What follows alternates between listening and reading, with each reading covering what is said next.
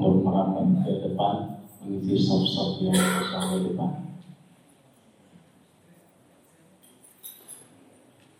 Diisi sop-sop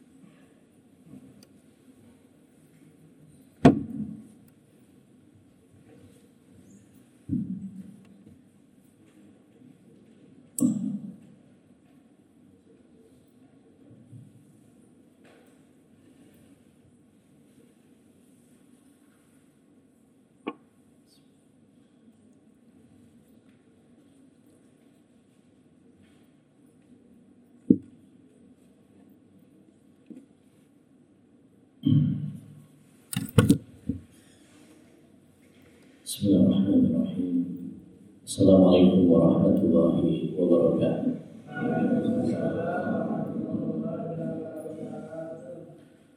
Alhamdulillahirabbil alamin. Wa bihi nasta'in ala umuri dunya waddin. Wassalatu wassalamu ala asyrafil anbiya'i wal mursalin. Nabiyyina Muhammad wa ala alihi wa sahbihi ajma'in.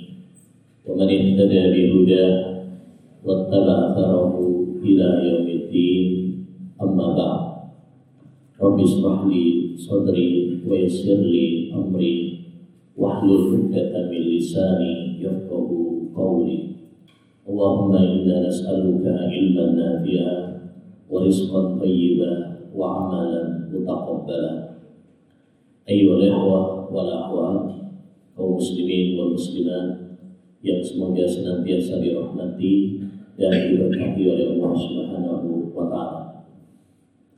Alhamdulillah kita bersyukur kepada Allah Subhanahu wa taala yang telah menggerakkan hati kita, memudahkan langkah kita, memenuhi panggilan Allah Subhanahu wa taala sehingga kita bisa melaksanakan sholat subuh secara berjamaah disambung dengan majelis zikir untuk menambah iman, menambah ilmu yang bermanfaat bagi kita semuanya. Yang kita harapkan insyaallah taala sampai terbitnya matahari dan bisa kita sambung lagi dengan sholat dua rakaat yang disebut dengan sholat syuruh atau sholat isyraq awal waktu sholat duha. Sehingga kita masuk bagian dari hadis Nabi Shallallahu Alaihi Wasallam yang dihasankan oleh Syekh bin Bas Syekh Al-Albani rahimahullah ta'ala dan sebagainya. Bahwa Nabi alaihi salatu wassalam bersabda Man sallal ghadata fi jama'ah summa jalasa yadhkurullah hatta tatlu'a syams. ثم صلى ركعتين إلا كان له أجر كأجر حجة وعمرة تامة تامة تامة Barang siapa yang sholat subuh secara berjamaah kemudian dia duduk mengingat Allah Subhanahu wa taala di antaranya adalah duduk untuk majelis ilmu karena ini termasuk zikr makanya majelis ilmu disebut majelis zikir. Ya. Sampai terbit matahari. Kemudian setelah itu dia sholat dua rakaat. Ya setelah terbitnya matahari sekitar 12 menit atau 15 menit. Seperti yang dikatakan oleh Syekh Taimiyah. Jangan langsung ya. Sebagian kalangan atau sebagian ikhwah bahkan setelah terbitnya matahari langsung ini termasuk kekeliruan. Ini justru waktu yang terlarang. Ya tunggu sekitar 12 menit sampai 15 menit. Ya dan ini yang disebut dengan sholat syuruk atau sholat isyraq dan dia termasuk bagian dari sholat duha. Awal waktu sholat duha. Ya barang siapa yang melakukan hal-hal tadi sholat subuh secara berjamaah, kemudian duduk berzikir kepada Allah, baik membaca Al-Quran, tahlil, ya, bertasbih, bertahlil, bertakbir, ya, sampai terbit matahari. Kemudian dia sholat dua rakaat, sholat subuh, dia akan mendapatkan pahala seperti pahala haji dan umrah sempurna, sempurna dan sempurna. Kuatkan diulang oleh Nabi Shallallahu Alaihi Wasallam sampai tiga kali. Ini adalah kabar gembira bagi kita semuanya sebagai motivasi dari Nabi Alaihi Wasallam, penyemangat dari Nabi Shallallahu Alaihi Wasallam agar kita berlomba-lomba di dalam kebaikan menggapai surga Allah Subhanahu wa taala. Ya, maka sekali lagi sepatutnya bagi kita untuk bersyukur kepada Allah Subhanahu wa taala yang memudahkan bagi kita untuk melakukan amal ibadah. Karena seandainya bukan karena rahmat Allah dan bukan karena karunia dari Allah Subhanahu wa taala, maka kita tidak akan bisa melakukan ibadah. Wallahi laula wa mahtadaina wala sallaina wala tasaddaqna. Nabi sallallahu alaihi wasallam pernah mengatakan ketika ya membuat parit bersama para sahabat dalam perang apa? Khandaq ya atau perang Ahzab. Nabi mengatakan wallahi seandainya bukan karena Allah Subhanahu wa taala kita tidak akan mendapatkan hidayah. Kita tidak akan sedekah, kita tidak akan salat. Artinya orang itu bisa sholat, orang itu bisa sedekah, orang itu bisa taklim, semuanya adalah karena taufik dan hidayah dari Allah Subhanahu wa taala. Bukan karena kita hebat, tetapi semata-mata karena anugerah dan nikmat dari Allah Subhanahu wa taala.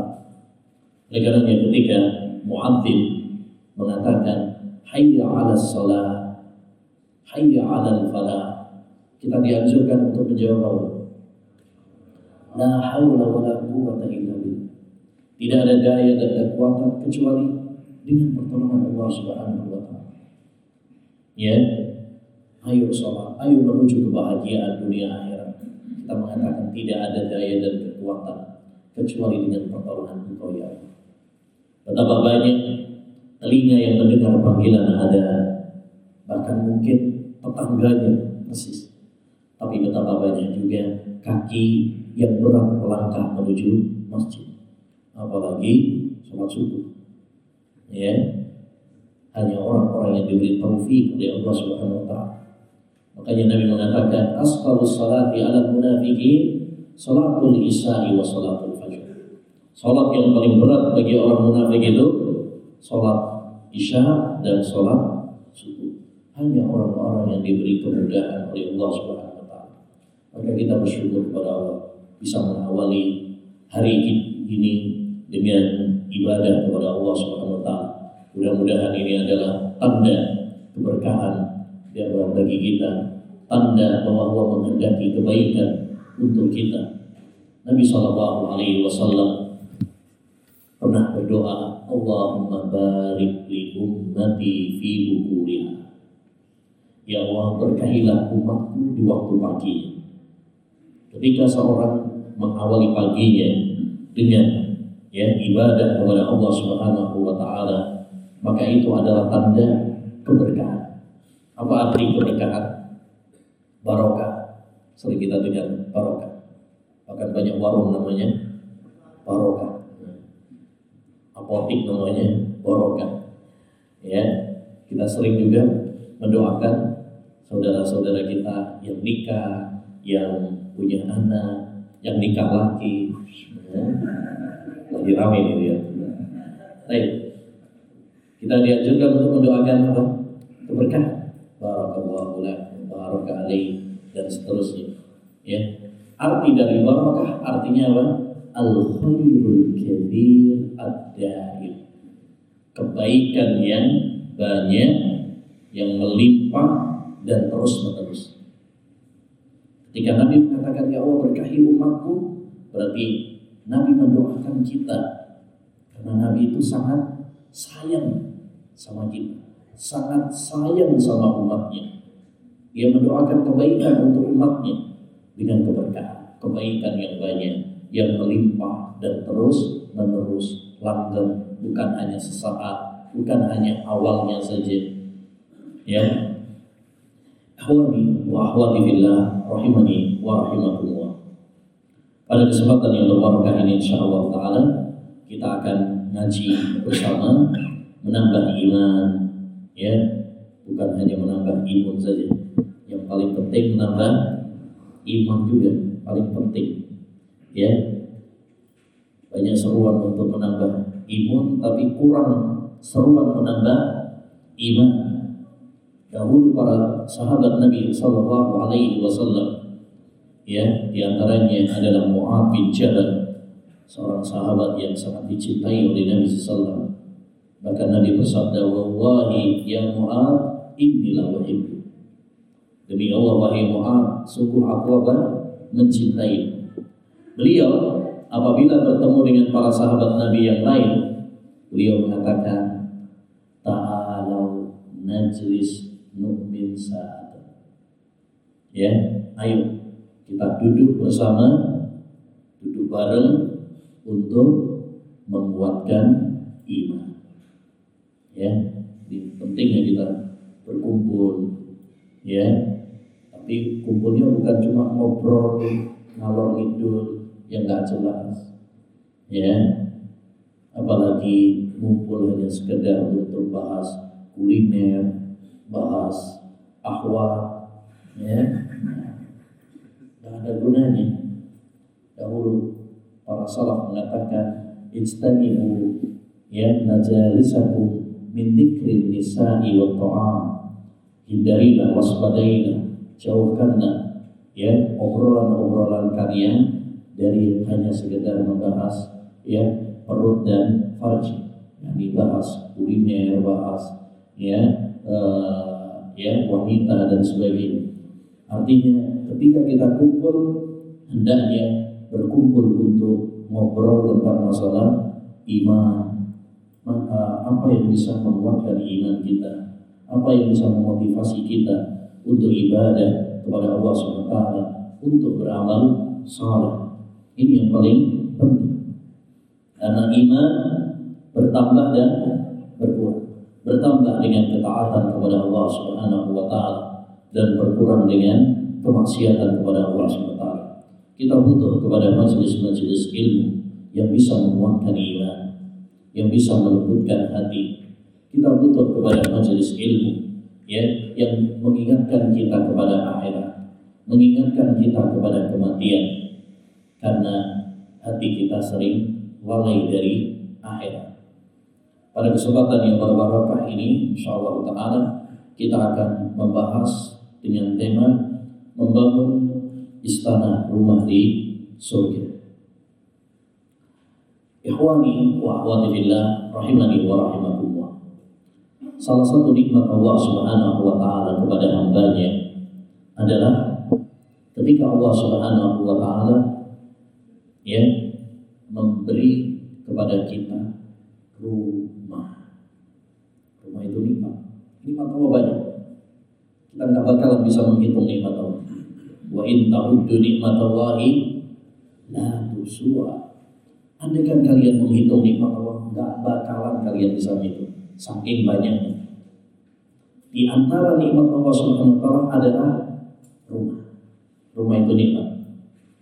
Allah sebutkan nikmat rumah ini dalam surat An-Nahl ayat 80. Dan sebagai faedah, surat An-Nahl, An-Nahl itu artinya apa?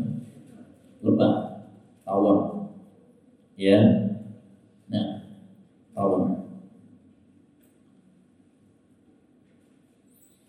Nama lain dari surat An-Nahl adalah tahu? Nama lain dari surat An-Nahl adalah An-Ni'am. Nama lain dari surat An-Nahl adalah An-Ni'am, nikmat-nikmat. Kenapa surat An-Nahl disebut dengan surat An-Ni'am?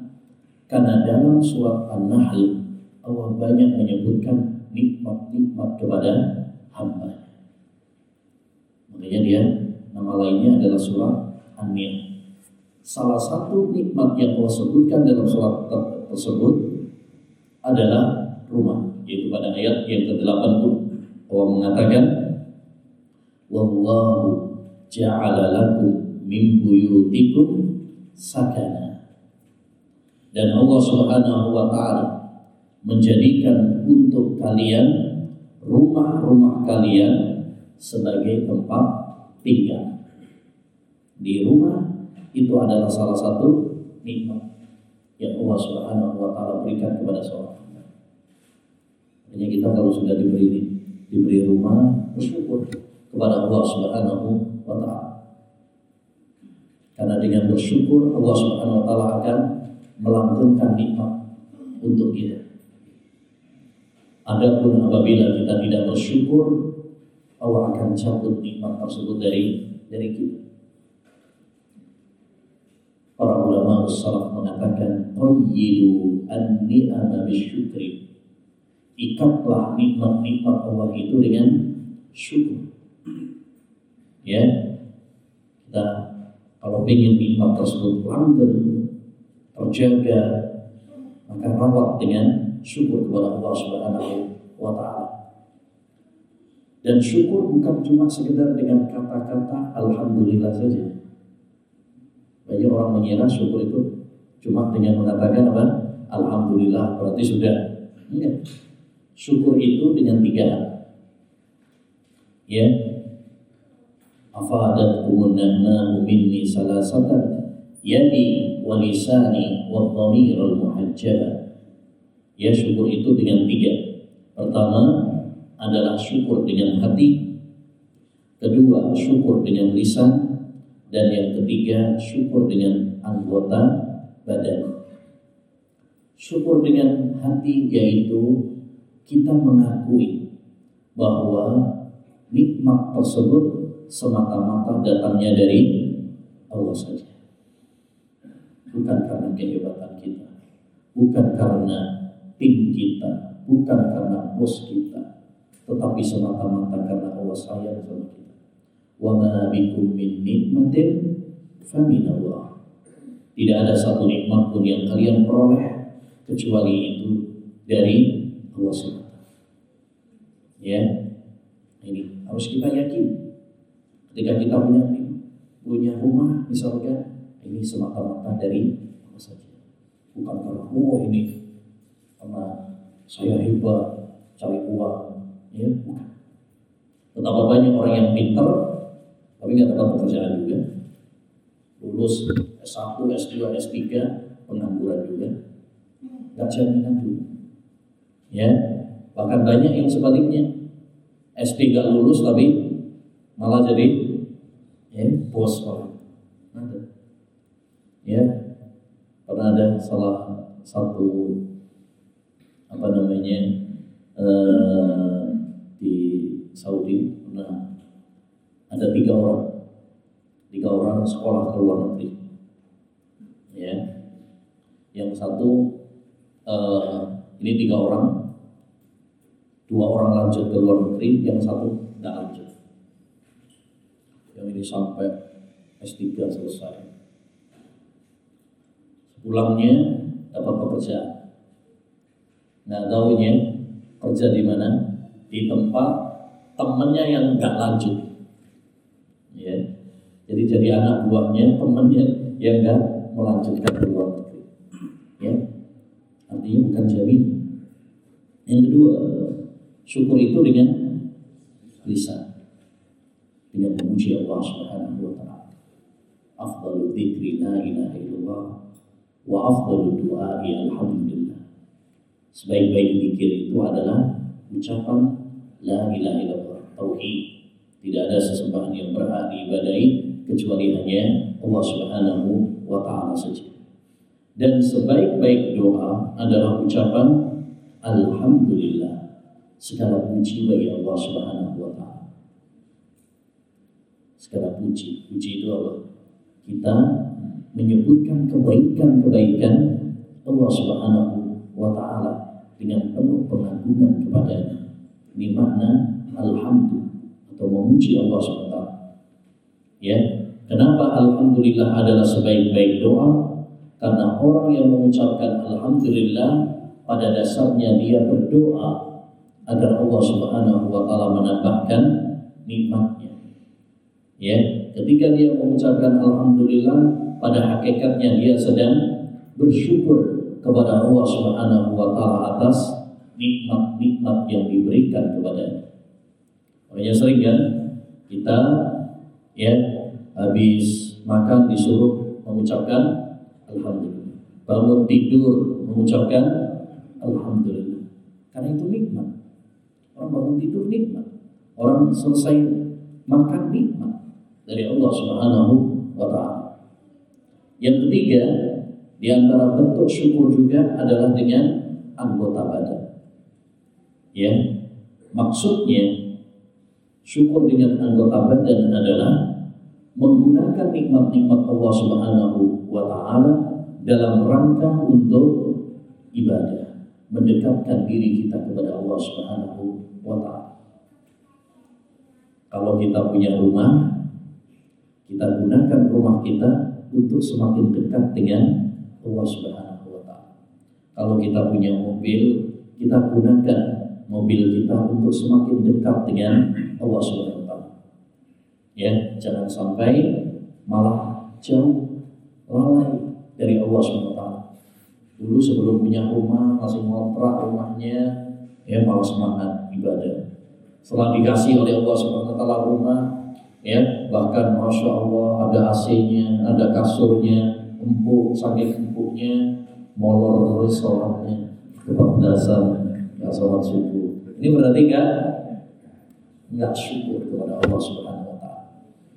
Ingat perkataan para ulama di antaranya Malik bin Dinar dan Abu Hazim. Ini perkataan yang sangat penting untuk kita camkan baik-baik. Kullu nikmatin la tuqarribu ila Allah fahiya nikmatah. Setiap nikmat yang tidak membuat dirimu semakin dekat dengan Allah Subhanahu wa taala, maka itu adalah bencana. Ya, setiap nikmat yang tidak membuat dirimu semakin dekat dengan Allah Subhanahu wa taala, maka itu adalah bencana. Kalau kita dikasih mobil, dikasih rumah, tapi nggak membuat diri kita semakin dekat sama Allah. Berarti rumah kita berubah menjadi bencana. Kalau kita dikasih HP, bukan malah semakin dekat sama Allah, tapi malah semakin lalai, semakin malas ibadah, ya, maka itu adalah bencana. Kalau kita dikasih ya mobil pun demikian, maka mari kita introspeksi diri kita apakah nikmat-nikmat yang telah Allah berikan kepada kita semakin mendekatkan diri kita kepada Allah ataukah semakin menjauhkan kita dari Allah? Dikasih istri, misalkan, semakin mendekatkan diri kita kepada Allah atau enggak? Ya, kalau itu semakin mendekatkan diri kita kepada Allah, berarti istri kita adalah nikmat dan anugerah dari Allah kepada kita. Tapi kalau semakin menjauhkan kita dari Allah, semakin melalaikan kita dari Allah Subhanahu wa taala, maka berarti istri kita bencana. Mungkin ya. Ya, inna min azwajikum wa auladikum fitnah di antara istrimu, anak-anakmu itu fitnah. Maksudnya apa? Ada yang membuat kita semakin jauh dari Allah Subhanahu wa taala. Ya. Artinya tidak semua wanita, tidak semua anak itu dipuji. Ya. Hanya orang wanita-wanita yang saleh. Ad-dunya mata wa khairu mata'iha al-mar'atu salihah. Dunia itu adalah perhiasan dan sebaik-baik perhiasan dunia adalah istri yang salihah, bukan istri yang sembarangan, istri yang salihah. Ya, baik. Ahwani wa ahwati billah rahimani wa. Setelah kita tahu bahwasanya rumah itu adalah nikmat dari Allah SWT yang harus kita syukuri. Harus kita syukuri. Pengen tahu betapa syukurnya kita kalau punya rumah, ya lihat saudara-saudara kita yang belum punya rumah. Ya, masih yang tuh yang uh, masih tidur di kolong jembatan, ya, yang bungsi ketika ada bencana, atau yang masih ngontrak tuh pindah setiap tahunnya. Ya potong-potong cuape ya. Ya kan? Nah kita bersyukur kepada Allah SWT. Karena fungsi dari rumah ini banyak satu tempat kita apa? Berteduh. Ya berteduh dari panasnya matahari biar nggak kepanasan berteduh dari hujan. Apalagi kayak gini sekarang kan musim hujan. Ya, kalau nggak punya rumah, kedinginan. Ya. Tempat untuk istirahat. Ya. Coba kalau kita habis uh, capek kerja, pengennya coba pulang biar istirahat. Ngeblak ya, so ya. Bertemu dengan keluarga bercengkrama dengan mereka. Ini fungsi dari apa? Rumah. Kita bisa beribadah kepada Allah Subhanahu wa taala mengerjakan tugas-tugas kita dengan ya nyaman. Banyak fungsi-fungsi dari apa? Ya dari rumah ini. Jadi ini harus kita apa? Syukur kepada Allah Subhanahu wa taala tapi ingat satu hal. Sehebat apa pun rumah kita, semegah apa pun rumah yang kita punya, ya, sebesar dan sebanyak apa pun rumah kita, selengkap apa pun perabotnya, semahal apa pun rumah yang kita beli, ingat bahwa rumah kita hanyalah sementara. suatu saat kita akan meninggalkan. Dan itu adalah suatu kepastian yang tidak bisa ditawar-tawar. Lihat dalam sejarah rumah-rumah orang-orang sebelum kita. Ya, Allah menceritakan kaum-kaum sebelum kita, kaum Ad, kaum Samud, Fir'aun yang memiliki kerajaan-kerajaan, istana-istana, ya, bahkan villa-villa di pegunungan yang begitu megah. Tatkala mereka mendustakan Allah Subhanahu wa taala dan para utusannya, Allah lantahkan, Allah hancurkan rumah-rumah mereka yang ya megah, yang keren, yang besar, ada arti. Allah Subhanahu wa taala berfirman, Alam tara kaifa fa'ala rabbuka bi'ad Irama dhatil iman allati lam fil bilad wa samud alladhina jabu as-sahra bil ya kau apa yang kau perbuat dengan kaum Ad yang memiliki pilar-pilar bangunan yang sangat kokoh. Sangat kokoh sekali pilar-pilar bangunannya sampai ya dikatakan sampai sekarang ini masih ada. Saking kuatnya pilar-pilar bangunan ya. Demikian juga kaum Thamud yang bisa merubah gunung-gunung sebagai villa gunung dipahat kemudian dijadikan sebagai villa-villa yang ya yang sangat keren yang sangat megah Demikian juga Fir'aun yang memiliki kekuatan, kerajaan, ya, tentara yang hebat. Tetapi semuanya adalah hancur.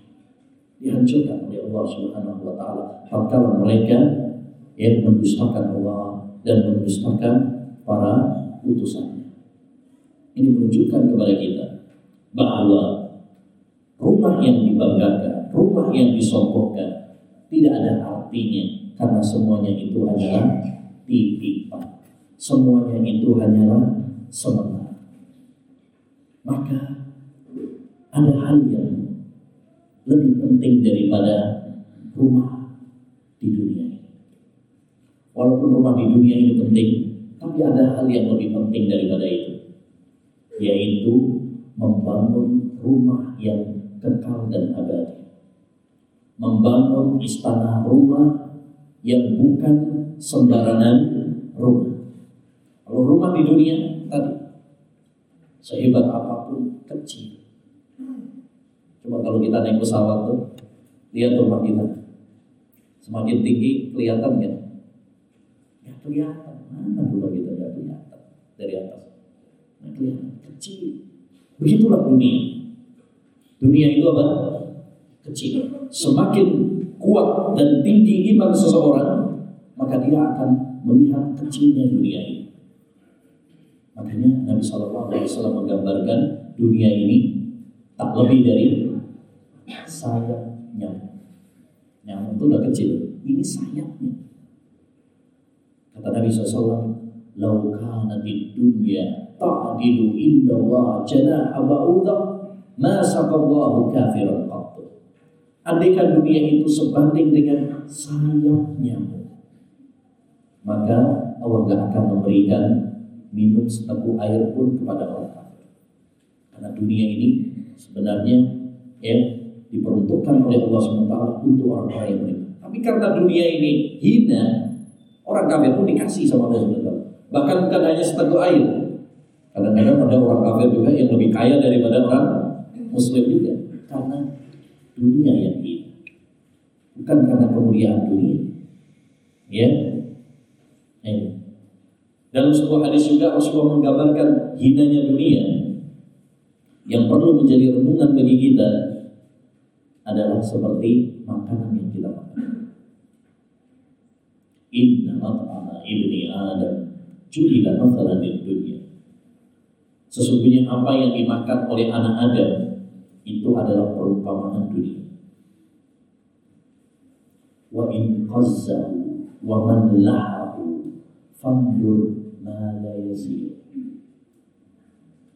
Seenak apa pun dia menggaraminya, membumbuinya, pikirkanlah. Toh nanti jadinya juga apa? Jadi Nabi menggambarkan dunia itu seperti apa? makanan yang kita makan. Seenak apa pun makanan yang kita makan, pikirkan, toh nanti juga akhirnya juga kita buang. Ya, coba makanan apa paling enak? Nasi uduk. Tiap pagi ya. Tapi seenak apa pun makanan kita makan, ya, semahal apa pun makanan yang kita makan. Sebentar aja. Ntar juga, ya, kalau pagi gini biasanya bentar lagi udah pada transfer. Begitulah dunia. Ada orang masaknya lama, berbumbu, bagaimana biar uh, enak rasanya. Makannya cuma sebentar, nanti diproses kemudian kita buang. Itulah dunia. Dunia yang ada orang mati-matian untuk mencarinya. Ya, ada banting tulang, ras keringat, sampai rebut semuanya dibanting-banting tulangnya. Ya. Tapi setelah dia dapatkan mati. Baru dapat hasil mati. Ya. Mulai muda dia kerja keras. Baru mungkin ya dapat pekerjaan meninggal. Baru dapat rumah meninggal. Itulah hakikat apa dunia. Oleh karenanya orang yang cerdas adalah orang yang tidak tertipu dengan gemerlapnya dunia ini. Yang menjadi fokus dia adalah akhirat. Yang dia prioritaskan adalah akhirat. Kenapa karena akhiratlah yang abadi walal akhiratu khairu wa abqa. Akhirat itu lebih baik dan lebih kekal. Nabi Shallallahu Alaihi Wasallam menggambarkan ini perlu kita renungkan bersama tentang bagaimana perbedaan yang sangat jauh antara dunia dengan akhirat. Kata Nabi alaihi salatu wassalam, "Mad dunya fil akhirah illa mislu ma yaj'alu ahadukum usbu'ahu fil yam falyantur madza yarji. Tidaklah dunia jika dibandingkan dengan akhirat, ini kenikmatan dunia jika dibandingkan dengan kenikmatan akhirat itu tidak lebih seperti seorang yang mencelupkan tangannya ke lautan. Ini dekat nggak? Jauh. Tapi pernah ke laut kan? Nah, coba kalau ke laut praktekkan hadis ini sambil merenung. Kata Nabi SAW, tidaklah dunia dibandingkan dengan akhirat kecuali seperti seorang yang mencelupkan tangannya ke lautan. Ya, kemudian dia tarik. Perhatikan berapa tetes yang nempel di jari. Ya, berapa? Satu liter? Setetes dua tetes. Setetes dua tetes ini nggak ada apa-apanya jika dibandingkan dengan lautan yang begitu luas. Setetes dua tetes inilah gambaran dunia. Nggak ada apa-apa. Jika dibandingkan dengan lautan yang begitu luas. Ya, begitulah dunia. Nggak ada apa-apanya jika dibandingkan dengan kenikmatan di surga nanti. Kecil. Makanya Nabi Shallallahu Alaihi Wasallam mengatakan, ya, Rakaat al-fajr khairun minat dunya wa ma Dua rakaat sebelum sholat subuh itu lebih baik daripada dunia dan isi. Nabi juga mengatakan, "Lama mawdi sauti ahadikum fil jannah khairun minat dunya wa ma Tempat cambuk salah seorang di antara kalian ya, itu lebih baik daripada ya dunia dan isinya. Maksudnya tempat cambuknya penduduk surga. Baru tempat cambuknya itu. Ya, itu lebih baik daripada dunia dan isi. Nabi juga bersabda, kerudung yang dipakai oleh bidadari surga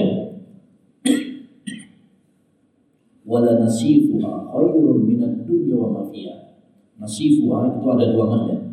Kerudung yang dipakai oleh bidadari surga atau mahkota ya mahkota. Bisa bermakna kerudung, bisa bermakna mahkota. Intinya dia adalah perhiasan yang dipakai di kepala. Ya, dia mengatakan kerudung. Makanya berarti bidadari di surga itu nanti berkerudung. Ada yang mengartikan nasifuha itu artinya mahkota yang dipakai oleh para ratu. Ya. Jadi apa pun itu entah itu kerudung ataukah mahkota yang dipakai oleh bidadari surga, kata Nabi apa? Itu lebih baik daripada dunia dan isinya. Bayangkan, baru kerudungnya kok itu sudah lebih baik daripada dunia dan isinya. Belum yang pakai. Tahu kerudungnya toh itu lebih baik daripada dunia dan isi. Oleh karenanya, ya orang yang cerdas adalah orang yang memprioritaskan akhirat dan tidak tertipu dengan setetes dua tetes dunia. Ya, dan di antara yang cerdas tersebut adalah istri Fir'aun. Siapa namanya? Aisyah. Ah. Nah, kalau Aisyah kayaknya siapa ya? Oh, iya. Kalau Aisyah hanya tangga ya. Kalau Aisyah itu istri Rasulullah. Kalau istrinya Fir'aun, Asia. Asia. Dia juga adalah salah satu calon penduduk surga sebagaimana dalam hadis disebutkan bahwa di antara calon penduduk surga adalah ya, Asia, istri Fir'aun. Allah sebutkan dalam surat At-Tahrim ayat 11. Daraballahu masalan lilladzina amanu imra'ata fir'aun إذ قالت رب ابن لي عندك بيتا في الجنة ونجني من فرعون وعمله wanajini minal qaumil zalimin Allah Subhanahu wa taala membuat sebuah perumpamaan bagi orang-orang yang beriman. Perumpamaannya apa? Istrinya Firaun. Ya, istrinya Firaun. Firaun kita tahu sendiri ya. Seorang yang sangat dolim, kafir, bahkan berani dengan sombongnya mengatakan, Ana rabbukumul a'la. Saya adalah roh kalian yang maha tinggi.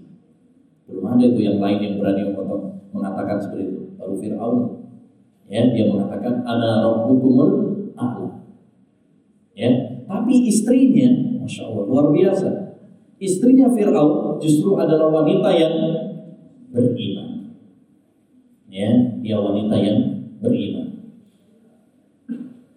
Sebaliknya, Nabi Nuh, Nabi Lut, Nabi Pilihan Allah Subhanahu wa taala. Istrinya justru tidak beriman. Ya, jadi ini sebuah perumpamaan yang Allah berikan bagi orang-orang yang beriman, yaitu istrinya Firaun namanya Asia. Perhatikan doanya. Id qalat rabbi bnili indaka Ketika dia berdoa mengatakan, Ya Allah, bangunkan untukku ya sebuah rumah yang dekat dengan engkau di surga. Itu yang diminta oleh Asia, istrinya Fir'aun. Walaupun dia di dunia, ya, namanya dia ratu, ya, istrinya raja, hidup dalam kemewahan. Ya, dalam kemewahan. Apa yang tak punya tadi? Semuanya dia miliki. Tetapi ya yang dia inginkan adalah rumah di surga, bukan rumah di dunia. Kalau rumah di dunia dia masya Allah dia punya harta, kerajaan punya, ya pangkat punya, karena dia adalah istri seorang raja. Tetapi dia ingin dia merindukan rumah di surga. Ya, bukan rumah di di dunia. Inilah yang hendaknya kita tiru.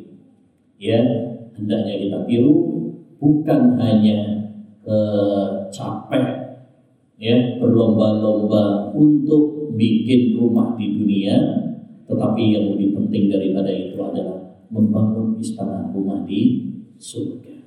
Oleh karenanya mari ya kita bersemangat untuk bangun rumah di surga. Kalau banyak orang nabung, nyicil untuk bangun rumah di dunia, maka hendaknya bagi kita untuk nabung untuk pembangunan rumah kita di surga. Bagaimana caranya? Nah ini yang akan kita bahas. Ada beberapa kiat, ada beberapa amalan. Siapa yang melakukannya Maka Nabi SAW mengabarkan bahwa ya Allah akan bangunkan istana rumah di surga untuknya. Ya, ada banyak hadis yang disebutkan oleh Nabi SAW tentang hal ini dibukukan oleh sebagian ulama. Salah satunya di buku yang ada sama saya, In'amu Dzil Minnah ala man bunya lahu baitun fil jannah. Ya, buku ini membahas tentang amalan-amalan ya yang dikabarkan oleh Nabi Wasallam siapa yang melakukannya maka Allah akan bangunkan sebuah rumah di surga untuknya. Kita sebutkan di antaranya pertama adalah sholat sunnah 12 rakaat sehari semalam. Sholat sunnah 12 rakaat dalam sehari semalam. Sebagaimana kata Nabi SAW dalam riwayat Muslim, ya ma min abdin muslimin yusalli lillahi azza wa jalla kulla yawmin sintai asrata raq'atan tatawwu'an ghayra faridah illa banallahu azza wa jalla lahu bihinna baitan bil jannah Tidaklah seorang hamba yang muslim yang sholat lillah untuk Allah SWT. Artinya dia sholatnya itu ikhlas. Dan kita tahu bahwa ikhlas adalah salah satu syarat utama diterimanya amal ibadah. Sholatnya ikhlas lillahi jalla wa'ala. Kulla yaumin sintai asra raka'ah. Setiap hari dia sholat 12 rakaat. Ya, yaitu sholat sunnah rawatib. Tatawu'an ghaira faridah sholat sunnah bukan sholat wajib. Ya, kalau wajib mah memang semua orang memang harus melakukannya. Ya, yang penting itu adalah sholat sunnah karena inilah yang menjadi apa perlombaan. Jadi perlombaan dalam ibadah itu dalam sholat sunnah, bukan dalam sholat wajib. Kenapa demikian? Karena kalau sholat kalau yang wajib, kan semuanya wajib melakukannya ya perlombaan yang sesungguhnya itu adalah dalam perkara-perkara sunnah ya karena kalau yang wajib memang memang itu diwajibkan. Illa banallahu azza wa jalla lahu bihinna baitan fil jannah. Siapa ya yang melaksanakan sholat ikhlas karena Allah SWT 12 rakaat sholat sunnah bukan sholat wajib kecuali Allah akan bangunkan untuknya sebuah rumah di surga. Ini anjuran bagi kita, ayo Allah motivasi bagi kita semuanya untuk melaksanakan sholat-sholat sunnah, terutama sholat rawatib. Ya, sholat rawatib. Ya, sebelum subuh dua rakaat, sebelum duhur, setelah duhur, ya, setelah maghrib, sebelum isya, setelah isya. Ini salat-salat sunnah rawatib yang sangat dianjurkan oleh Nabi Sallallahu Alaihi Wasallam. Ya,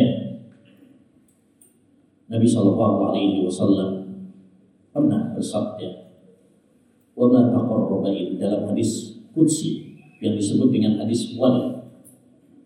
Hadis wali. Bahwa Allah Subhanahu wa taala berfirman, wa ma taqarraba ilayya 'abdi bi syai'in ahabba ilayya mimma Tidaklah seorang hamba yang mendekatkan diri kepadaku dengan suatu amalan yang lebih aku cintai daripada yang aku wajibkan kepadanya. Jadi yang paling dicintai oleh Nabi itu adalah yang paling dicintai oleh Allah itu adalah perkara-perkara yang wajib. Maka utamakan prioritaskan yang wajib. Jangan sampai kita semangat melakukan yang sunnah, yang wajib malah di, ditinggalkan. Nah, ini orang-orang yang tertipu. Kata sebagian ulama, man sawalahul fardu anin nafli fahuwa ma'dur. Wa man sawalahul naflu anil fardi fahuwa maghrur. Siapa yang ya sibuk melakukan perkara-perkara yang wajib sehingga tidak sempat melakukan yang sunnah ini diberi udur diberi wudhu. Kayak misalkan kita ada sholat sunnah, pas sholat sunnah kemudian ada sholat wajib yang didahulukan yang wajib. Makanya kata Nabi, "Idza uqimatis shalah fala sholata illa maktubah." Kalau didirikan sholat, maka tidak ada sholat kecuali yang wajib saja. Dahulukan yang wajib, karena itu yang lebih utama. Ya, dimaafkan kita nggak melakukan sholat sunnah karena apa? Karena lebih mengutamakan yang wajib. Tapi waman sagalahu naflu anil fardi fahuwa makruh. Siapa yang sibuk dengan perkara sunnah melalaikan yang wajib, maka dia adalah orang yang tertipu. Ya. Kemudian ini kriteria wali Allah ya. Dia sibuk dengan yang wajib. Kemudian wala yazalu abdi yataqarrabu ilayya bin nawafili hatta uhibbahu. Senantiasa hambaku melakukan perkara-perkara yang sunnah sehingga aku mencintai. Ya. Jadi wali Allah itu adalah orang-orang yang melaksanakan yang wajib dan yang sunnah. Ini wali Allah nih. Ya, ciri-cirinya adalah mereka bertakwa, melaksanakan perintah-perintah Allah dan menjauhi larangan. Makanya definisi wali Allah itu adalah yang beriman dan bertakwa. Sebagaimana dalam surat Yunus, "Ala inna awliya Allahi la khaufun alaihim wa la hum yahzanun alladzina amanu wa kanu yattaqun." Ketahuilah bahwasanya wali-wali Allah itu adalah mereka tidak takut dan tidak sedih, yaitu orang-orang yang beriman dan bertakwa. Mangkana mukminan lillahi taqiyya, mangkana mukminan taqiyya, kana lillahi waliyan. Siapa yang beriman dan bertakwa, maka dialah wali. Bukan yang bisa terbang, bukan yang bisa ya ditabrak mobil nggak mati, ya atau yang bisa makan paku kaca, ya atau yang bisa berjalan di atas air nggak mesti. Wali Allah itu nggak mesti memiliki karomah, ya bukan sebuah syarat. Bahkan kalau ada yang ngaku sebagai wali Allah tapi dia nggak sholat, itu berarti bukan wali oh, pendusta. Itu wali syaitan. Idza ra'aita syakhsan yatir wa fawqa ma'il bahri yasir wa lam yakif ala hududi syar'i fa'lam annahu mustadrajun bidai. Jika kamu lihat ada orang bisa terbang atau berjalan di atas air padahal dia tidak berpegang teguh dengan Quran dan hadis, ketahuilah bahwa dia adalah ahlul bid'ah yang sedang diistidraj. Istidraj itu dimanjakan, dibiarkan oleh Allah dalam kesesatan. Ya. Nah ini. Jadi, ayo ikhwah, ini anjuran bagi kita untuk di samping melaksanakan sholat-sholat yang wajib, maka hendaknya bagi kita untuk memperhatikan sholat-sholat yang sunnah. Perlombaan yang sesungguhnya ada di dalam perkara yang sunnah. Ya, lebih-lebih sholat. Lebih-lebih sholat. Pernah dalam riwayat Muslim disebutkan dari sahabat Rabi'ah bin Ka'ab al-Aslam bahwa suatu saat beliau ini menyiapkan air wudhu untuk Nabi Shallallahu Alaihi Wasallam. Para sahabat itu suka ya untuk membantu Nabi Sallallahu menyiapkan untuk Nabi. Sebagai ucapan terima kasih karena sahabat Rabi'ah bin Ka'ab al-Aslami ya sudah berbuat baik kepada Nabi. Nabi itu salah satu akhlaknya membalas kebaikan orang yang berbuat baik kepadanya. Ini, jadi kalau ada yang berbuat baik kepada kita, balas. Man sona ilaikum ma'rufan fakati. Kalau ada orang yang berbuat baik kepada kalian, balas. Maka Nabi mengatakan kepada sahabat Rabi'ah, sal, minta. Ya, Mbak, sampai jawab, sampai minta apa? Ya, Bapak bayangkan kalau misalkan raja atau presiden ngomong sama saya, sampai minta apa? Masya. Minta sepeda. Pak Jokowi kayaknya minta sepeda. Ya, minta jabatan, begini ya kan? Minta rumah, minta ya harta. Tapi sahabat Rabi'ah bukan dunia yang dia dia mengatakan apa?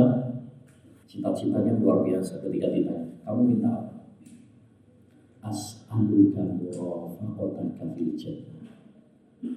Aku minta untuk bisa menemani wahai Nabi di surga.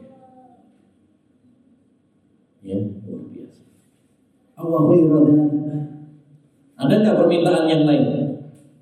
Wada, nggak wahai Nabi itu aja. Cita-citanya para sahabat luar biasa. Terus apa jawab Nabi? Fa inni ala nafsika bi kasrati sujud. Kalau begitu, bantulah aku untuk mewujudkan keinginanmu, cita-citamu ini dengan memperbanyak apa? Sujud. Maksudnya memperbanyak sujud apa? Sholat. Bukan sujud, toh tidur lalu sujud. Ya, maksudnya memperbanyak sholat. Yang diperbanyak sholat apanya? Sholat apa? Sholat sunnah, kalau sholat wajibnya nggak bisa diperbanyak.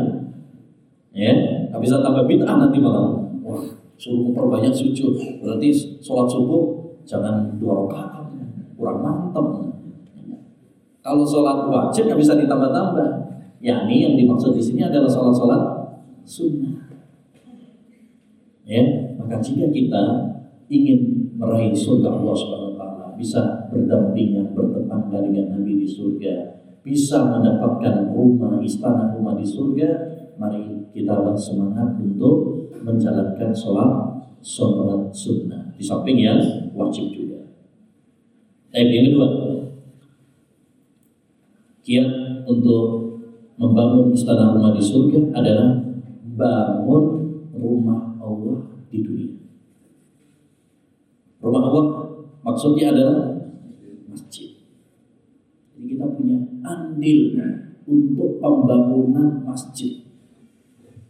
Nabi Shallallahu Alaihi Wasallam bersabda, "Man bana lillahi masjidan, bana Allahu lahu baitan fil jannah."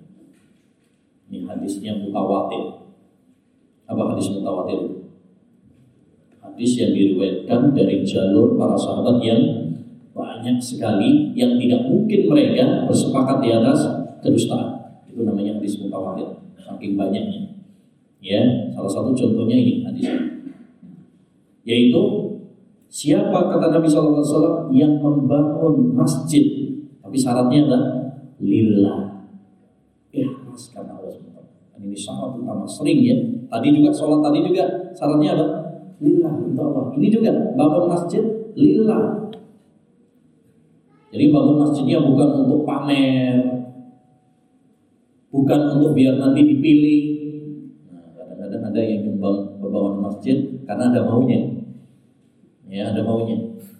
Pernah itu di ya di tempat kita itu ya, ada Jawa Timur ya. pas mau pemilihan bangun masjid ya, nyumbang ya nyumbang kubah ada yang nyumbang uh, semen pasir gitu ya karena mau pemilihan. Ternyata kalah. Jauh meneng. Eh, lagi. Oh. Baik. Ya. Jadi ini syaratnya adalah siapa yang membangun masjid lillah. Ya, ikhlas karena Allah Subhanahu wa taala. Balasannya banallahu lahu baitan fil jannah. Allah akan bangunkan untuknya sebuah rumah di surga. Karena al jaza ya min jinsil amal. Ini kaidah. Balasan itu tergantung kepada amal. Ketika seorang hamba membangun rumah Allah di dunia, balasannya yang setimpal, yaitu Allah akan bangunkan istana rumah di ya surga. Ya, dan tentu balasan Allah lebih indah, lebih baik daripada apa yang kita lakukan karena Allah Maha Pemurah. Maka ini ayo ikhwan rahimani wa motivasi bagi kita semuanya. Untuk apa? Ya, membangun masjid. Terutama yang yang kaya-kaya yang punya duit ya daripada bingung ke mana harus menyalurkan duitnya. Nih ya bangun masjid. Karena masjid itu adalah ya tempat yang paling dicintai oleh Allah SWT ahabul biladi ilallah masajid tempat yang paling dicintai oleh Allah SWT itu adalah masjid ya dan Nabi bersabda al masjidu baitu kulli taqi Masjid itu adalah rumah setiap orang yang bertakwa kepada Allah Subhanahu wa taala. Ya, waduh, Ustaz, bangun masjid gede ya, modalnya, duitnya ya. Sedangkan kita apa? Uangnya pas-pasan. Kalau kita nggak bisa membangun secara utuh, setidaknya punya andil. Sekecil apa pun andil kita dalam pembangunan masjid Ya, alhamdulillah dalam riwayat yang lain Ibnu Majah dan disahihkan oleh Syekh Al-Albani. Nabi mengatakan, "Man bana masjidan lillah kamafhasi qata aw asghar bana Allahu lahu baitan fil Barang siapa yang membangun sebuah masjid karena Allah, walaupun sekecil tempat apa itu e, burung, tahu ya kalau burung yang bukan sangkar ya, kalau dia punya yang asli itu. Ya faktor telur. Ya. Ya. Kalau yang di pohon-pohon itu kan biasanya kecil sekecil, sekecil itu maka Allah akan bangunkan untuknya rumah di surga. Artinya apa?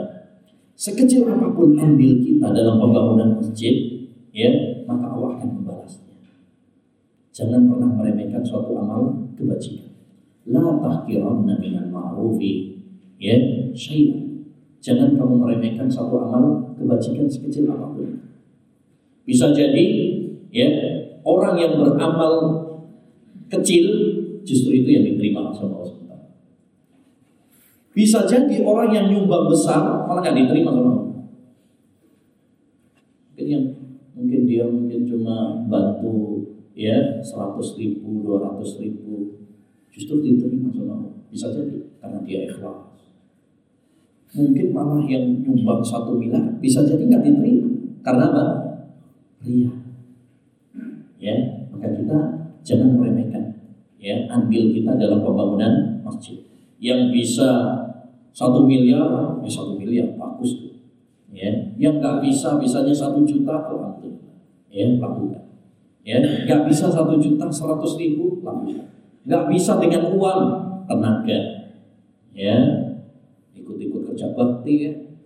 Ya, ibu-ibu nggak bisa kerja bakti. Ya, masakin apa rawon untuk ya untuk yang kerja bakti. Artinya apa? Semuanya bisa punya apa?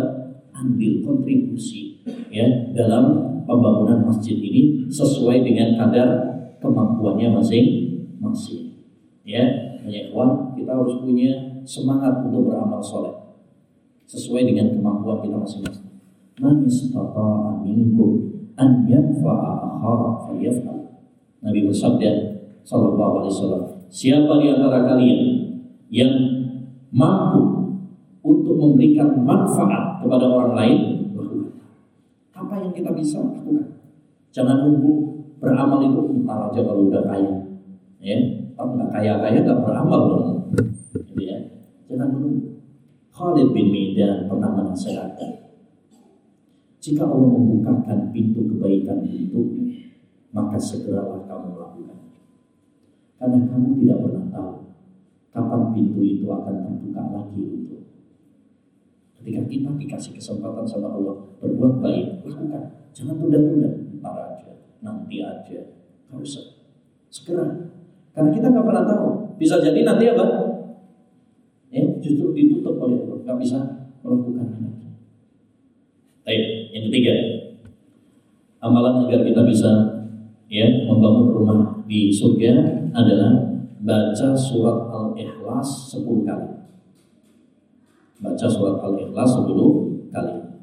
Sebagaimana dalam riwayat Ahmad dan disampaikan oleh Syekhul Albani, "Man qara'a qul huwallahu ahad asyara marra bana Allahu lahu baitan fil jannah."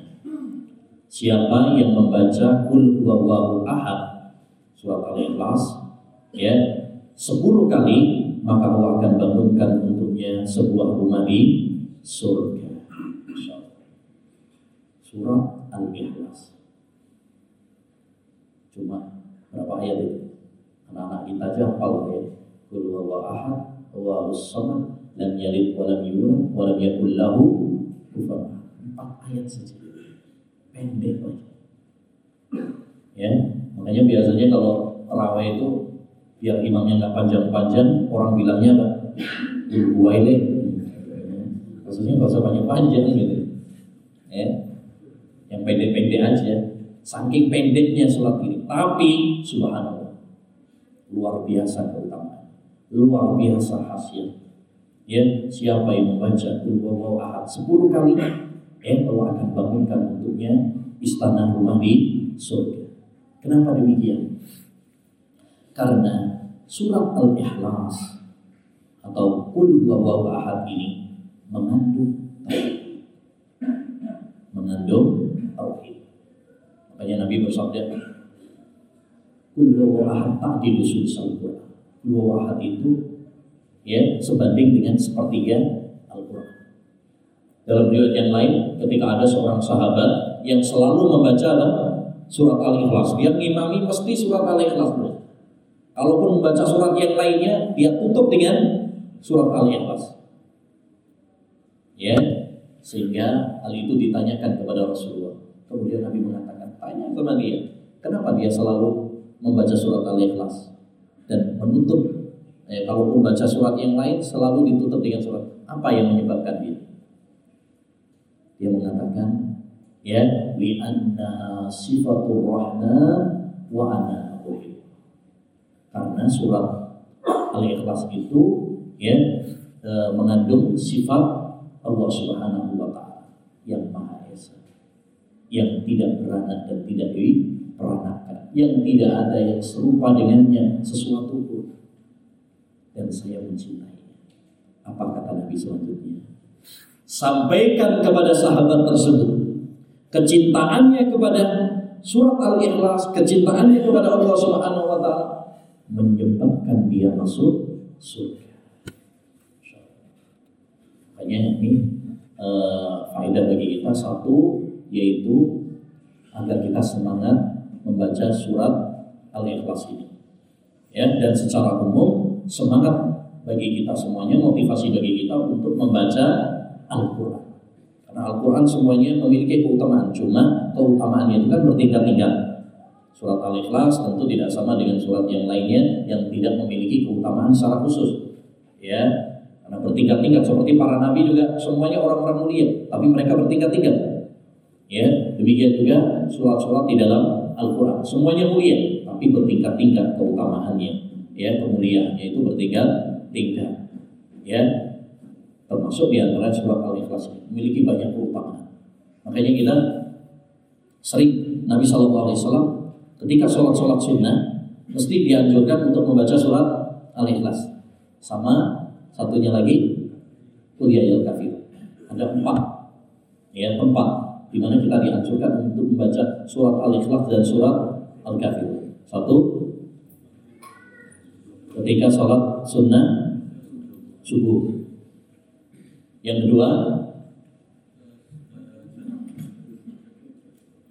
sholat maghrib, ya sesudah maghrib, dia maghrib, uh, maghrib. Kemudian yang ketiga, witir.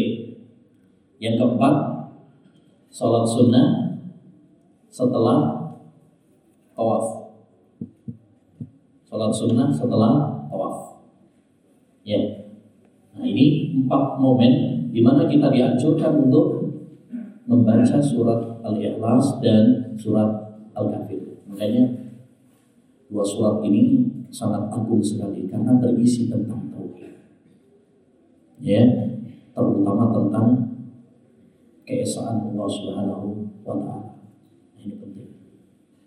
Anehnya, banyak orang apal surat Al-Ikhlas, Qul ahad ini dan selalu dibaca, tapi sering kali tidak mengamalkan. Lebih-lebih bulan Desember. Ya, apal Qul ahad. Tapi begitu ada bulan Desember tanggal 25 Natalan ya, malah ikut Natal ikut mengucapkan selamat Natal padahal dia sendiri membaca lam yalid walam Allah itu tidak beranak dan tidak dilahirkan Allah itu esa ya nah ini kan kontradiksi Baik. Qul ya ayyuhal kafirun. Wahai katakan kepada orang-orang kafir. Karena banyak orang lupa juga dengan surat ini. Ya, malah mengatakan ahlul kitab jangan dibilang apa? Kafir. Bilang aja non muslim. Bilang aja warga negara Indonesia. Ya. Nah. Tapi ganti dong kuliah ayol kafir ya. Kuliah non muslim. Ngawur. Nah. Selanjutnya yang ke berapa ini? 10. Oh, empat ngetek nyatuk guys ternyata ada yang ngantuk ternyata. Baik. Yang keempat bersabar dan memuji Allah SWT ketika ya ada musibah. Ya, terutama musibah e, ditinggal mati sang buah hati nah disebutkan dalam hadis riwayat Imam Ahmad Tirmidzi dan dihasankan oleh Syekhul Albani. Mata waladul abdi qala Allah li malaikatih. Apabila ada seorang anak meninggal dunia, maka Allah mengatakan kepada para malaikat, "Qabattum walada abdi? Apakah kalian mengambil nyawa anak hambaku?" yaquluna na'am iya Fayaqul lalu Allah mengatakan qabattum samarata fuadi kalian mengambil nyawa buah hati hambaku mereka mengatakan Famada qala abdi. Terus apa yang dikatakan oleh hamba? Ya yaqulun. Malaikat mengatakan hamidaka wastarja. Dia memujimu ya Allah dan istirja. Istirja itu mengucapkan inna lillahi wa inna ilaihi rajiun. Terus apa kata Allah? Fayaqulullah. Ubnu li abdi baitan fil jannah wasammuhu baitan hamdi. Bangunkanlah untuk hambaku ini sebuah istana rumah di surga. Dan namailah rumahnya dengan rumah alham pujian. Karena dia selalu apa? Memuji Allah SWT bahkan dalam kondisi terkena musibah pun dia memuji Allah SWT. Ya, ini anjuran bagi kita agar kita apa? Sabar ketika mendapatkan pujian. Dan sabar lebih penting. Imam Ahmad mengatakan Allah menyebutkan kata sabar dalam Al-Quran 90 kali dalam Al-Quran. Saking pentingnya masalah sabar. Dan sabar ada tiga macam. Yang pertama, sabar dalam menjalankan perintah-perintah Allah. Ya, perlu sabar. Termasuk sabar dalam ngaji ilmu agama ini butuh sabar. Kalau enggak udah tolak tolak jam. Ya, starting. Ya, tak sabar. Ya. Yang kedua, sabar dalam meninggalkan larangan-larangan Allah, maksiat dosa. Apalagi kalau yang udah kecanduan, sabar. Inna nafsala ammaratum bisu. Sungguhnya hawa nafsu itu sering kali mengajak kepada maksiat dosa. Dan yang ketiga, sabar dalam menghadapi musibah. Nah ini, ini yang menjadi pembahasan kita. Sabar dalam menghadapi musibah. Dan musibah orang, ujian orang, itu beda-beda. Ada yang diuji, ya, uh, sakit, ada yang diuji krisis ekonomi ya cari kerjaan susah sekali buka usaha bangkrut nggak laku ya daftar ditolak di mana-mana. Sekali diterima langsung di PHK misalkan ya, ya. Diuji oleh Allah SWT ada yang diuji jomblo nggak dapat dapat jodoh. Ada yang diuji oleh Allah swt udah dapat istri tapi istrinya masya Allah cerewetnya minta ampun. Ya misalnya Ada yang diuji oleh Allah mungkin sudah punya istri tapi nggak punya momongan. Ada yang dikasih momongan, nakalnya minta ampun. Jadi ujian Allah itu apa? Beda-beda. Beda-beda. Ada yang diuji oleh Allah punya anak tapi kemudian meninggal. Ya, sayang-sayangnya masih eh, apa namanya? Ada yang sebagian itu yang sudah nunggu bertahun-tahun dikasih meninggal ujian dari Allah Subhanahu wa taala. Karena anak itu adalah uh, fitrah ya. Hanya aneh juga ada sebagian itu apa kemarin yang sempat viral itu cara free atau apa itu. Orang nikah tapi nggak pengen punya anak. Ini bertentangan dengan agama kita. Yang menganjurkan salah satu tujuan dari pernikahan itu adalah punya anak. Bahkan dianjurkan sama Nabi suruh berlomba-lomba. Fa inni mukathirun bikumul umam. Carilah istri yang penyayang dan subur, calon banyak anak. Karena saya berlomba-lomba memperbanyak umat saya. Ya, justru kita dianjurkan untuk banyak anak. Targetkan, ya minimal sebelas loh itu. Biar punya timnas ke. Baik, intinya dari hadis ini adalah apa? kita harus sabar sabar dalam menghadapi ujian, cobaan. Termasuk yaitu ketika ada orang-orang yang kita cinta dipanggil oleh Allah diambil oleh Karena pada hakikatnya semua itu hanyalah titipan dari anak kita, istri kita, harta kita, semuanya adalah milik Allah Subhanahu wa taala. Kalau Allah mau ngambil ya udah. Mau apa gitu? Ya, ya perhatikan kalimat inna lillahi. Kita semuanya ini adalah milik Wa inna ilaihi rajiun. Kita semuanya akan kembali kepada Ya. Bayangkan ada orang misalkan ya, tukang parkir itu. Tukang parkir. Oh, yang datang mungkin uh, mobil-mobil bagus, sepeda motor bagus. Ya. Ketika diambil sama pemiliknya, marah nggak tukang parkirnya? Ya, Orang bukan punya dia, dibayar malah dibayar ya kalau nggak dibayar cucu baik. Kita pun demikian. Pada hakikatnya kita apa? Semuanya itu adalah milik Allah SWT ketika Allah mau ngambil ya sudah. Itu milik Allah SWT mau gimana? Ya. Baik. Selanjutnya. Di antara uh, amalan juga agar kita bisa membangun rumah di surga meninggalkan berdusta walau kurang walau bercanda sebagaimana kata Nabi SAW ana zaimun bi baitin fi wasatil jannah liman tarakal kadhib wa in kana nazi'an aku menjamin sebuah rumah di tengah-tengah surga bagi yang meninggalkan dusta walaupun hanya bercanda. Dusta tetap dusta. Dosa. Walaupun bercanda, nggak boleh. Apa ya istilah sekarang? Prank.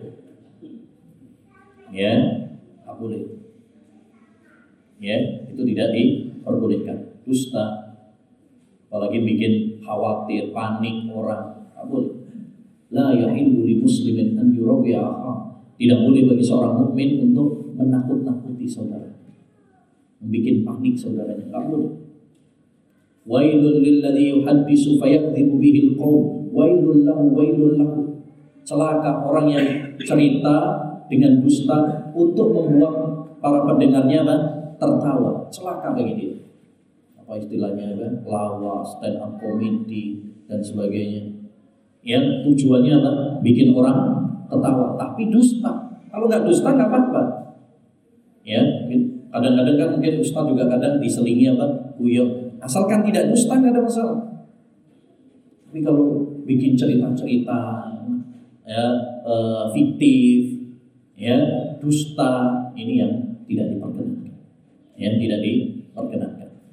Jadi tinggalkan apa kedustaan. Siapa yang meninggalkan kedustaan, maka Nabi SAW menjamin untuk kita apa? Rumah di surga. Demikian juga selanjutnya adalah meninggalkan segala bentuk debat kusir. Nah, ini penting nih. Ya. Kata Nabi ana za'imun bi baitin fi rabadil jannah liman tarakal mira wa in kana muhiqqa. Saya menjamin sebuah rumah di pinggiran surga. Oh, di pinggir, di pinggir bukan imperan ya. Di pinggir atau kalau di pinggir pantai bagus ya. Ada rumah di pinggir uh, pantai, pinggir laut. Ini tidak Baik, saya menjamin sebuah rumah di pinggiran surga liman tarokal mira bagi orang yang meninggalkan debat kusir wa in kana sekalipun dia benar. Walaupun benar tapi dia tinggalkan. Orang Jawa bilang sing waras. Kadang-kadang itu ya tidak semua perdebatan harus diladeni. Ada debat-debat yang nggak perlu untuk diladeni yaitu yang nggak ada manfaatnya. Nggak ada manfaatnya. Hanya menambah meruncingkan masalah aja. Nggak usah. Habisin waktu. Ya. Nah, termasuk debat-debat di sosial media dunia persilatan. Ya, di dunia uh, media sosial. Banyak yang habisin waktu di dunia media sosial bantah membantah manfaatnya ya ada manfaatnya. Habisin waktu bikin capek. Ya dan yang paling uh, berbahaya bikin kesel hati. Ya dongkol malah dalam hati ya malah sholat malah enggak khusyuk dan sebagainya. Jadi tinggalkan debat-debat yang tidak ada faedah kalaupun itu masalah masalah yang uh, apa namanya ya masih dalam ranah perselisihan para ulama ya kita hadapi dengan apa? Ya, kalaupun debat, ya debat dengan cara yang baik. Tujuannya untuk mencari kebenaran. Kedewasaan perlu. Ya, perhatikan para ulama dulu. Mereka berdebat, tapi bukan untuk mencari apa? Mencari kemenangan. Sekarang itu kan enggak. Gengsi dong, masa kalah. Saya mewakili salafi. Siapa yang bilang itu mewakili salafi? Ya, ada yang mewakili. Manhaj salaf tidak butuh kepada kita. Kita yang butuh kepada Ini nggak ada yang mewakili-mewakili itu nggak ada. Ya, itu individu-individu orang, individu orang. Ya, jadi uh, karena bisa jadi kalau individu itu kan bisa jadi dianya yang mungkin kurang ilmunya, mungkin kurang menguasai cara uh, apa namanya berdebat dan sebagainya. Ya, oleh karenanya hindari perdebatan-perdebatan. Kalaupun itu masalah perselisihan yang bisa ditoleransi, kita hadapi dengan lapang dada. Lihat Imam Syafi'i pernah debat sama seorang ulama, sahabatnya beliau juga, sahabat Imam Ahmad juga, Al-Imam ya Abu Ubaid Al-Qasim Ibn Salam. Ini seorang pakar ahli fikih pakar ahli hadis, pakar bahasa juga. Lengkap. Debat sama Imam Syafi'i tentang ya uh, salah satu wal mutallaqatu yatarabbasna bi anfusihinna ya salah satu uh, apa tentang iddah wanita itu tiga puluh itu tiga apa? Tiga kali haid ataukah tiga kali suci? Karena dalam bahasa Arab Huruf itu bisa memiliki dua makna. Bisa bermakna suci, bisa bermakna haid. Nah, dalam ayat ini maknanya tiga kali suci atau tiga kali haid? Debat Imam Syafi'i sama Imam Abu Ubaid. Masing-masing memiliki argumen. Imam Syafi'i membawakan hadis, membawakan bahasa Arab, syair. Imam Abu Ubaid juga nggak mau kalah. Dia juga orang pintar, alim ulama.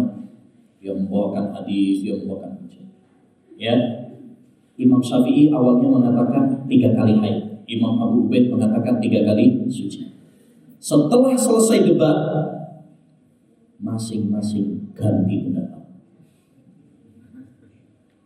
Masing-masing ganti pendapat. Imam Syafi'i yang tadinya mengatakan tiga kali haid, setelah debat mengatakan yang benar tiga kali suci.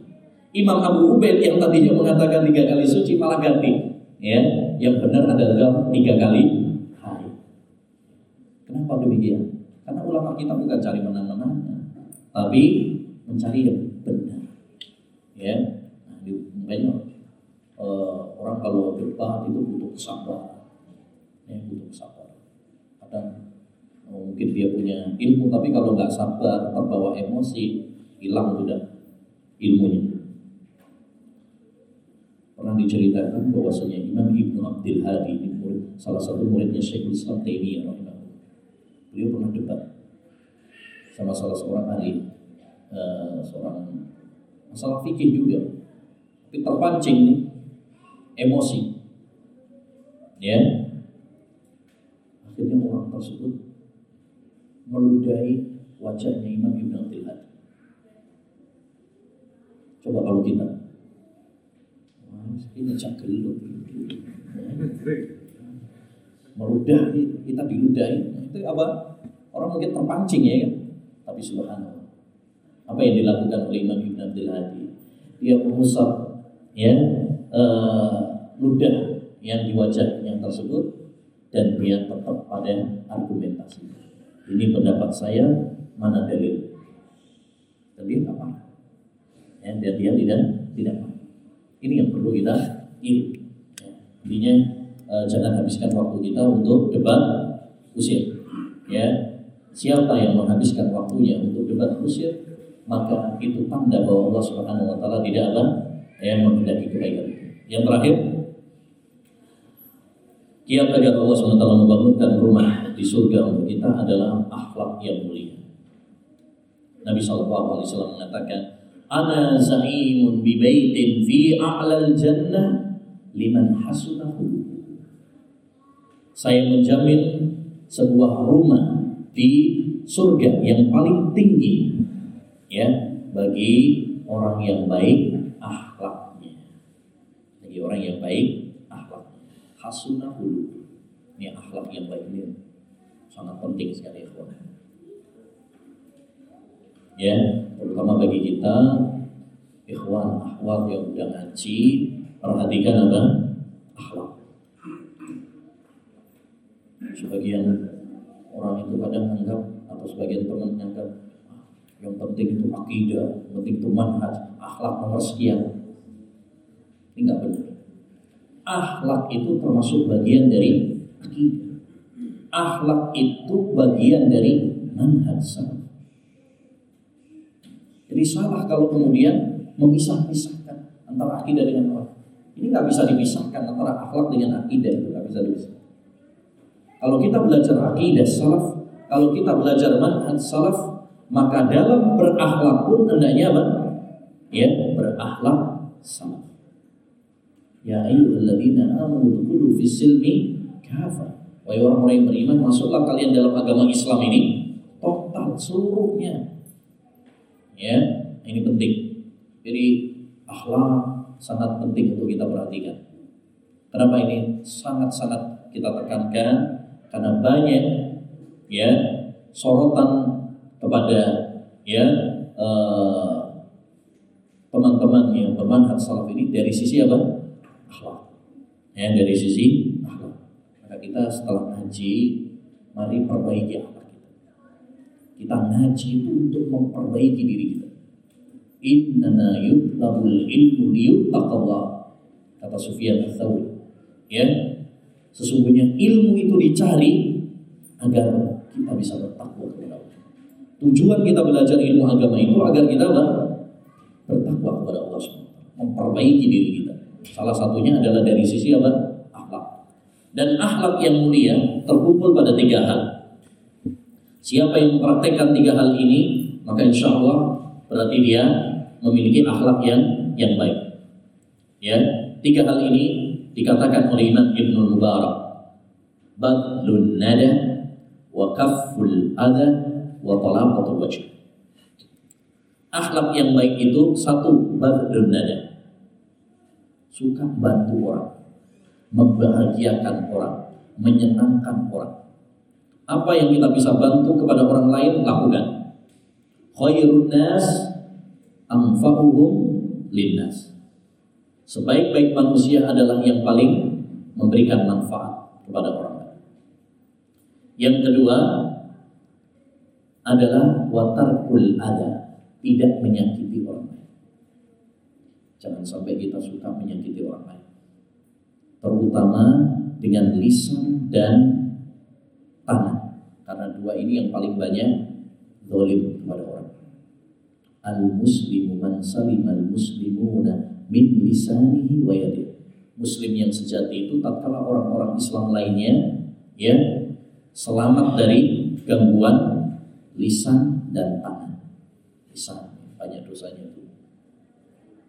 Aksaru khotoya bani Adam fil lisan. Kebanyakan dosa anak Adam itu pada lisan.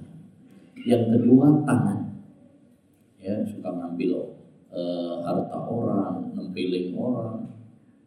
Ya, dan yang paling banyak juga dosa tangan zaman sekarang ya suka nyetatus nyindir orang. Bikin status menyakiti orang nyinyir nyindir. Yang ketiga wabala qatul wajah. Apa? Murah senyum murah senyum. Ini akhlak yang baik. Tabassumu kali ahi kalaka saudara senyummu kepada saudaramu itu adalah saudara nah, kita kalau ketemu sama orang ya salam nyapa senyum itu akhlak yang baik. Jangan semakin kita belajar ilmu agama hmm, sama ya bertaring ya. Ya justru malah murah senyum ramah ya. Walaupun jenggotnya satu meter nggak masalah. Yang penting senyumannya. Tetap senyum. Ya tetap senyum ramah sama orang. Sehingga kita menampakkan kepada orang itu. Ya walaupun jenggotnya lebat tapi orangnya baik. Nah, gitu. Ya ini penting. Masalah akhlak ini sangat penting sekali maka jangan pelit untuk senyum ya karena gigi bukan aurat Baik, demikian yang bisa kita bahas. Mudah-mudahan bermanfaat uh, bagi kita semuanya. Dan yang paling penting adalah kita bisa mengamalkannya. Ya, semoga Allah berikan taufik kepada kita semuanya. Uh, Subhanallahumma bihamdika asyhadu an la ilaha illa anta astaghfiruka wa atubu ilaik. Assalamualaikum warahmatullahi wabarakatuh. Sudah ditutup kan? Udah ini ada Siapa yang bisa nyebutkan tadi amalan-amalan yang bisa uh, amalan-amalan kiat-kiat membangun rumah di surga. Ini ada hadiah dari panitia. Coba. Nah, sholat sunnah 12 rakaat terus. Ya, lah, maksud cuma satu. Cuma satu ya dapat setengah setengah halaman.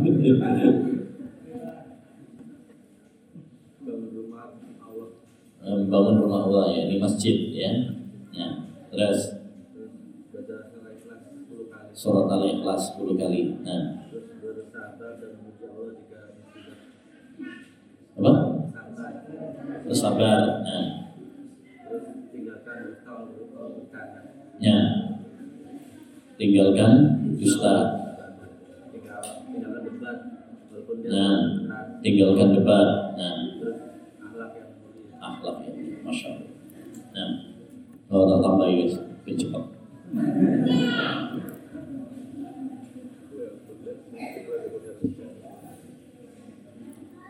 Baik, satu lagi.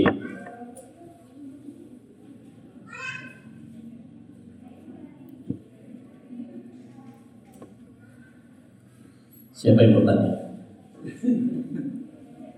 ya.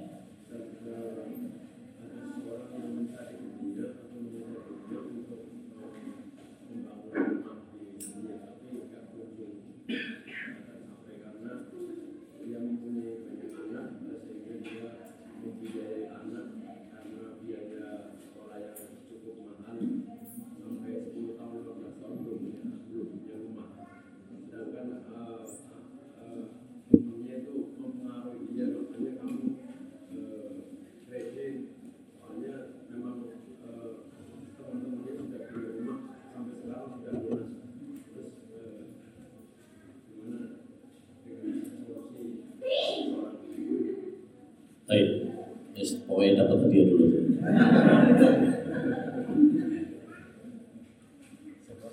ya, Baik. Uh, memiliki rumah, tentu itu adalah suatu impian ya. Karena memang itu suatu kebutuhan bagi kita kebutuhan pokok. Kebutuhan pokok.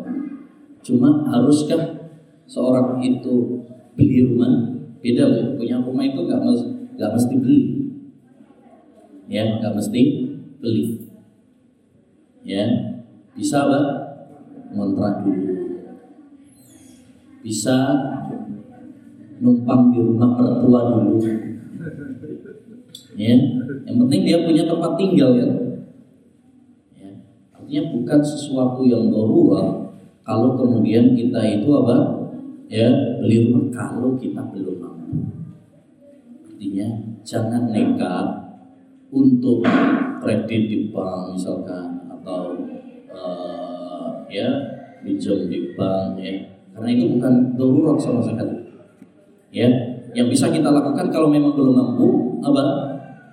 Kontrak dulu kemudian kerja nabung ya banyak doa kepada Allah Taala hemat ojo jor-joran ya. Nah sambil nanti apa? Ya nyicil pembangunan sedikit demi sedikit ya.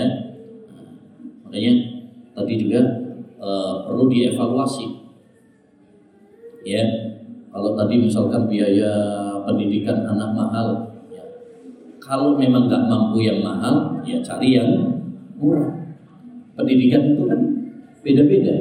Ada yang sebagian sekolah mungkin memang mahal ada, apalagi di daerah Jabodetabek ini yang, yang mahal banyak. Tapi ada juga mungkin yang yang murah, ya. Bahkan sebagian pondok juga ada yang gratis. Artinya sesuaikan dengan apa kondisi dan kemampuan kita. Kita nggak bisa kok menjelek-jelekan, oh ini mahal, ini ibaratkan seperti orang misalnya mau bepergian, ya ada yang naik pesawat ya mahal, ada yang naik bis, ada yang jadi maksudnya apa? Itu kan cuma fasilitas saja, masalah fasilitas. Yang paling penting adalah bagaimana uh, isi pendidikan, ya isi pendidikannya. Selama yang diajarkan uh, adalah Quran, hadis, itu masalah. Ya, Cuma semuanya tentu ada plus minusnya masing-masing.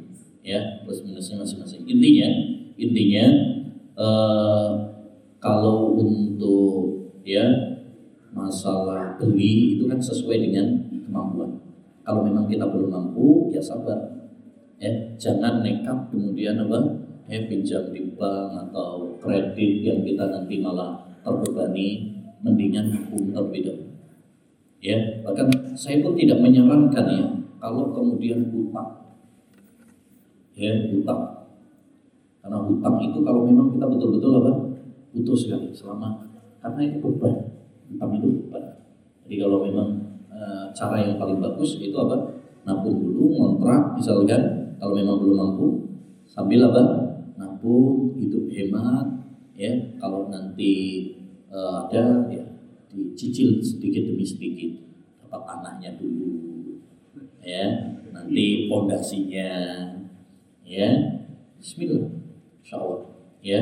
Allah Subhanahu Wa Taala akan memberikan jalan keluar kepada kita ya. Wa may yattaqillah yaj'al lahu siapa yang bertakwa kepada Allah maka Allah akan memberikan jalan keluar bagi Subhanallah bihamdika asyhadu an la ilaha illa anta astaghfiruka wa.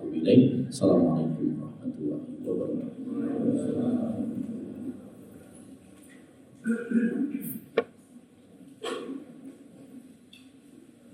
you.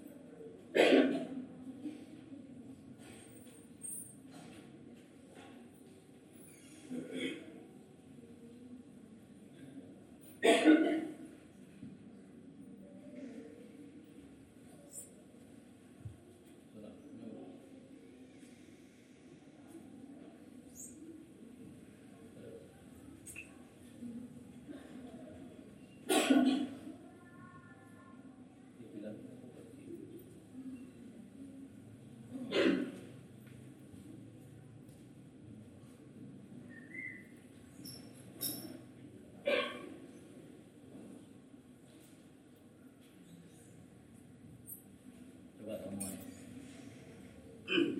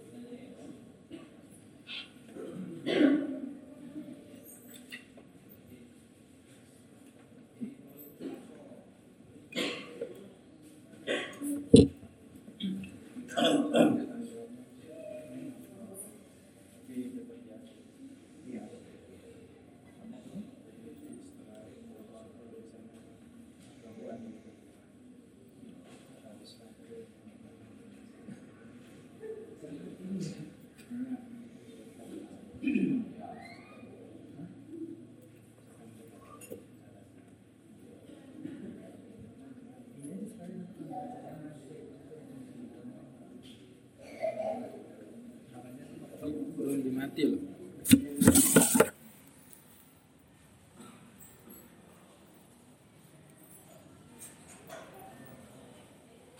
Checklist kan mas